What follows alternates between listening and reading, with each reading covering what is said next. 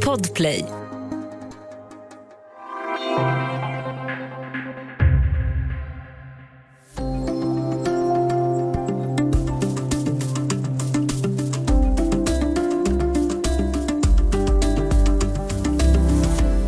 Staten har betalat ut över 37 miljarder kronor i krisstöd till svenska företag under pandemin. Det är det största räddningspaketet i svensk historia. Men först nu blir det offentligt vilka bolag som har fått pengarna. Vad säger oss den informationen?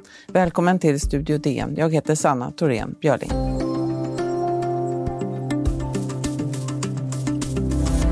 Ja, när pandemin slog till under våren 2020 fattade regeringen snabbt beslut om att ge omfattande stöd till företag som drabbades för att hålla näringslivet och jobben under armarna. Det blev mycket pengar till slut. Hur de stora beloppen, som ju är skattemedel, har använts har hittills varit hemligt. Men inte längre, för på torsdagen hävs sekretessen över vilka företag som har fått stöd. Med oss för att prata om det här har vi Kristoffer Örstadius som är reporter på DN. Välkommen Kristoffer! Tackar, tackar! Du, jag tänkte vi måste bena ut några saker här. Eh, när pandemin slog till i mars förra året så stannade ju stora delar av ekonomin upp. Mm. Regeringen fattade då några viktiga beslut om att stödja, stödja näringslivet. Vad hoppades man uppnå med det här? Jo, men det finns ju en massa olika eh, stöd egentligen som eh, regeringen har fattade beslut om. Och eh, det som står i fokus här nu då, som offentliggörs på torsdagen, det är det stöd som handlar om eh, korttidsarbete, att man kunde gå ner i, i tid och få ersättning för det.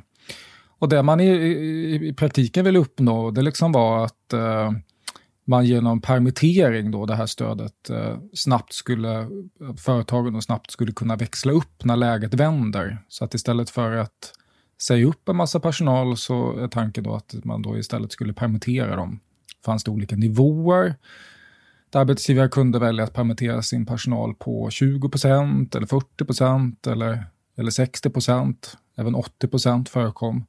Och eh, tanken då är att staten då står för tre fjärdedelar av kostnaden för den här arbetstidsminskningen. Så att man på så sätt kunde eh, skydda företagen och eh, arbetstagarna. Just det. Tillväxtverket beviljade stöd till omkring 100 000 ansökningar. Så det var ju då att man kunde söka pengar. Vilka företag kunde söka de här pengarna? Det kunde företag göra som eh, drabbats av eh, tillfälliga allvarliga ekonomiska svårigheter som man eh, liksom inte kunde förutse kan man säga. Så ribban var ganska hög. Det här ska verkligen vara företag som, som hade ekonomiska, till och med allvarliga ekonomiska svårigheter. Vi vet ju en del företag som, som har sökt genom att man, man själv gått ut med det. Vi vet ju till exempel att Scania, ett lastbilstillverkaren i, i Södertälje, de, de eh, permitterade ganska många anställda.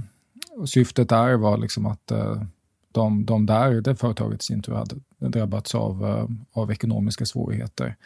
Eh, annars så är det ju fram tills nu som det varit väldigt begränsad insyn i det här. Eh, och det är det som nu hävs. Mm. Men det fanns inga begränsningar i, vilka, i hur stort ett företag skulle vara eller hur litet för att få söka de här pengarna? Alla företag? Nej, utan, eh, utan alla företag kunde söka, även enskilda firmor.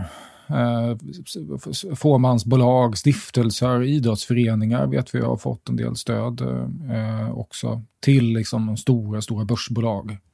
Och det blev ju alltså över 37 miljarder kronor i skattemedel. Det är ju väldigt mycket pengar. Vad har det här gått till? Vad vet vi om det?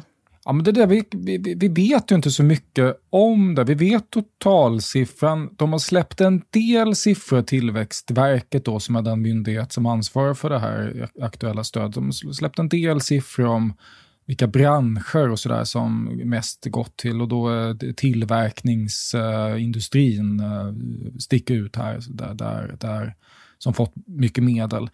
Men annars är det ju det som är det speciella med det här stödet, det är att det, det är då närmare 38 miljarder kronor, alltså jättemycket pengar som eh, från allmänna medel som gått till de här företagen utan någon egentlig insyn. Så det har fram tills nu inte varit känt vilka företag som fått det. Det har ju varit lite speciellt. Det fick en del kritik, eh, ska det sägas i början, att eh, man valde eh, en, en eh, sån linje att uppgifterna alltså skulle vara sekretessbelagda som grundregel. Eh, men, men med den förändring som gör nu så är ju insynen högre. Men vi, vi, det är därför det, det, är lite spännande med, med, med det här släppet som nu, nu kommer då, eftersom det är först nu vi får veta vilka företag det egentligen är som sökt. Mm. Ja, vi ska återkomma till just det där. Bara lite kort också om något mer om hur de här stöden fördelades. Det fanns ju ändå några villkor för att kunna stödja de här. Du var inne på det att det måste, man måste visa att det går att man är, är verkligt drabbad, men det fanns ju kanske andra in, eh, villkor. Vad sa man till exempel om utdelningar? Jo, precis, men, men en, en sån regel handlar också om, om eh, utdelningar, det vill säga det är ju framförallt då och aktiebolag. Och där eh, har det varit lite olika, så man kan säga att det, som, det, det, det, har varit förbjudet för bolagen att göra utdelning eller andra värdeöverföringar. Eh, men så här, reglerna har ändrats under loppets gång. Men om vi tar som förra året till exempel, då gällde förbudet att eh, två månader före stödperioden och under de sex månader som följer så att säga efter stödperioden, eh, då, då får man inte göra några eh, aktieutdelningar. Man ska inte bara kunna plocka ut pengar nej, i vinst nej, precis? Precis. Nej. Ja, då återstår ju att se då, nu när det släpps då, om, de, om man har följt det till exempel. Även om vi inte vet så jättemycket om detta än, vi återkommer om det, men, men vad vet vi i grova drag om vilka företag generellt som faktiskt drabbades hårdast av under pandemin? Var det stora eller små? Var det glesbygd eller storstad? Vilka branscher var det som verkligen drabbades hårdast? Ja, men det vi framförallt vet det är ju, det är ju, det är ju det är företag som, som drabbats hårt. Det är ju företag där, där man drabbats liksom hårt av restriktioner. Jag tänker framförallt på hotell, restaurang, flygbranschen, event, konferenser och sådär. Den typen av res, resebolag, den typen av företag där där, som i, i prakti, där deras verksamhet i praktiken eh, stod still så att säga, på grund av de här begränsningarna som infördes. Det är ju därför också som vi ser att, att eh, till exempel en arbetslöshet som ökat till följd av, eh, av pandemin eh, det har framförallt drabbat eh, de personer med otrygga anställningsförhållanden, eh, de som eh, bara jobbar deltid till exempel. Eh, vilket är unikt för den här krisen jämfört med andra ekonomiska kriser. Efter pausen ska vi prata mer om varför så mycket av de här stöden hölls hemligt och vad som hände med pengarna.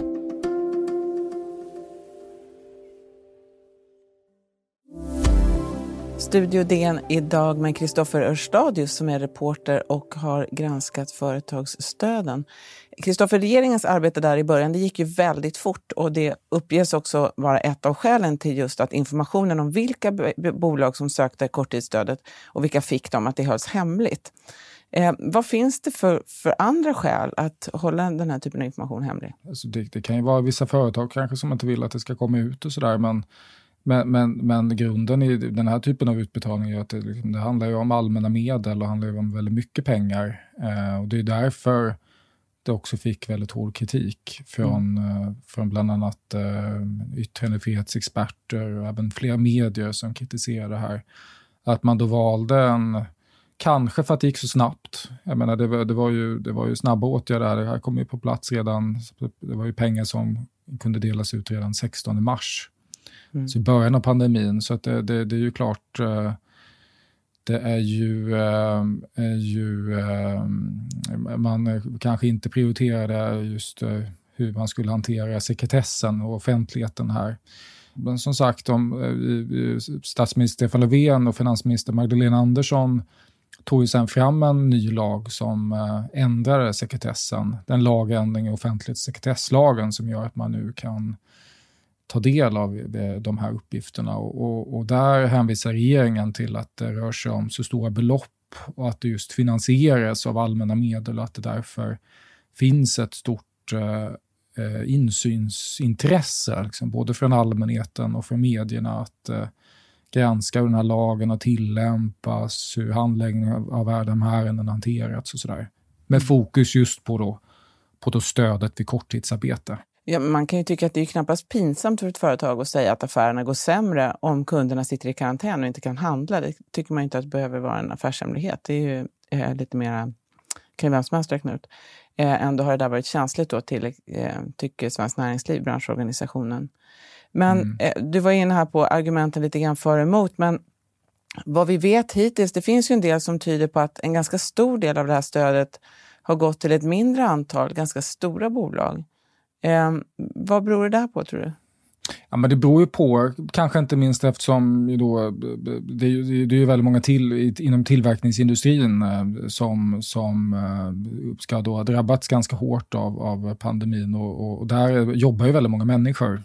Eh, så det, det, är klart att det blir ju otroliga volymer om, om liksom, tusentals personer på, tiotusentals personer till och med, liksom på, på Scania, Volvo och så vidare permitteras, det är klart, det, då, då blir det ju väldigt stora volymer. Mm. Så därför är det ju högst troligt att en, en ganska stor del av de här pengarna, en stor del av de här 38 miljarder kronorna har gått till ganska få företag. Det finns ju, när, när en regering går ut och säger att nu kommer de här pengarna, nu kommer de finnas tillgängliga.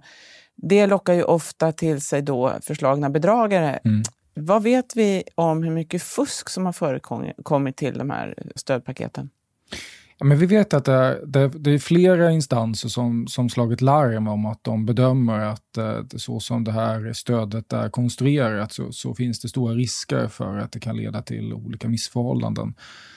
Det, det vet vi, men det, det vi framförallt vet är att Tillväxtverket, alltså den ansvariga myndigheten, faktiskt själva då har gjort egna kontroller och upptäckt jättefuffens eh, fuffens i vissa fall. De har gjort så många som liksom över, eller över 200 brottsanmälningar och då eh, liksom har, har krävt tillbaka en del pengar då efter att man gjort fördjupade kontroller av misstänkta bedrägerier. Det, eh, och de här 200 brottsanmälningarna, Dagens Nyheter har försökt att begära ut för att få mer information om, om de här 200 brottsanmälningarna, men, men de hänvisar då till sekretess men, men ett fall är känt. Eh, nyligen kom den första fällande domen i ett mål där en företagare, var en man i, eh, i Västerbotten, som dömdes för att ha fuskat med då det här korttidsstödet. Mm. Eh, och, och då, då, handlar det om att eh, den här personen då ska ha eh, hittat på att den företaget hade drabbats av ekonomiska svårigheter och då sagt att den, hade en, den här personen hade en mycket högre lön än vad som den anställde verkligen hade. Eh, och så fick man permitteringsstöd. Men den här personen eh, dömdes nyligen i ett, ett mål då, i, i en tingsrätt. För man snodde mellanskillnaden helt enkelt? Ja, exakt. Precis. Mm. Finns det gråzoner här också mellan det som är olagligt och det som kanske bara inom citationstecken är oetiskt? Ja, men, ja, men, visst är det så. Eh, och det, det, är klart att det här med utdelningar är ju eh, en, en fråga som, där det finns många åsikter kring. Det, eh, vi vet ju att flera av de här stora företagen börsbolagen har delat ut pengar till aktieägarna och då har ju fått en del eh, kritik. Eh, det är ju inte samma sak som att då de här aktuella utdelningarna har varit eh, olagliga, men kritik har de ju fått av, av eh, flera personer. Det här korttidsstödet, nu ska ju det också utvärderas, eh, mm. har regeringen sagt. Eh, och det har tillsatts en kommitté som ska mm. gå mm. igenom det här. Vad ska den här kommittén titta på? Ja, men den ska, jag, jag kan inte alla detaljer, men så vitt jag förstår så ska den både titta på det, det här, den här aspekten kring eventuell brottslighet kopplat till och korttidspermitteringarna, eh, men även titta på de effekter som, som det har fått. Och det, och, och, och så här, det, och det är ju inte konstigt att man gör det, för man ska komma ihåg det här om 38 miljarder, det är jättestora pengar från allmänna medel som då gått till privata företag. Och, och, då är det ju inte, och det, Tillväxtverket själva beskriver det här som den, den, den största liksom stöd, eh, ekonomiska stödet, stödpaketet som, det enskilt största stödpaketet som, som någonsin eh, Sverige har, har haft. Så, så, då är det inte konstigt att eh, man då också vill eh, göra en ordentlig utredning och titta på vilken effekt det här har haft. Nu hävs ju alltså sekretessen för vilka företag som har fått de här pengarna. Vad innebär det? Vad exakt kommer allmänheten och granskande journalister eh, att kunna få veta? Ja, men det innebär att Tillväxtverket helt enkelt eh, offentliggör den databas man själva har haft internt på vilka företag det är som fått stöd, hur mycket pengar de fått, när de fick det eh, och så vidare. Och, och, det är klart, med hjälp av, av, eh, av en sån här lista kan ju media till exempel granska vilka och även allmänheten får insyn i, i hur de här, det här historiska stödpaketet har, har hanterats och vilka det som fått pengar. Så det kommer alltså vara en databas som man kan ganska lätt söka i då förhoppningsvis? Ja, men precis. Det kommer finnas en databas eh, eh som man ganska lätt kan, kan söka i. Mm. Vad kommer du att titta särskilt efter? Men vi kommer titta lite på eh, just, just kring liksom, eh, uh, hur, hur, det, hur det gått för de här företagen. Om, om det finns uh, stödutbetalningar som kan ifrågasättas till exempel. Om det har hanterats, hur, hur, hur det här historiska stödet har hanterats helt enkelt. Det är väl liksom centrala i, i, uh, i det hela. Så undrar man ju till exempel lite över hur, hur, de, hur, hur, hur mycket har gått till ett fåtal bolag till exempel. En sån grej som är väldigt spännande att titta på.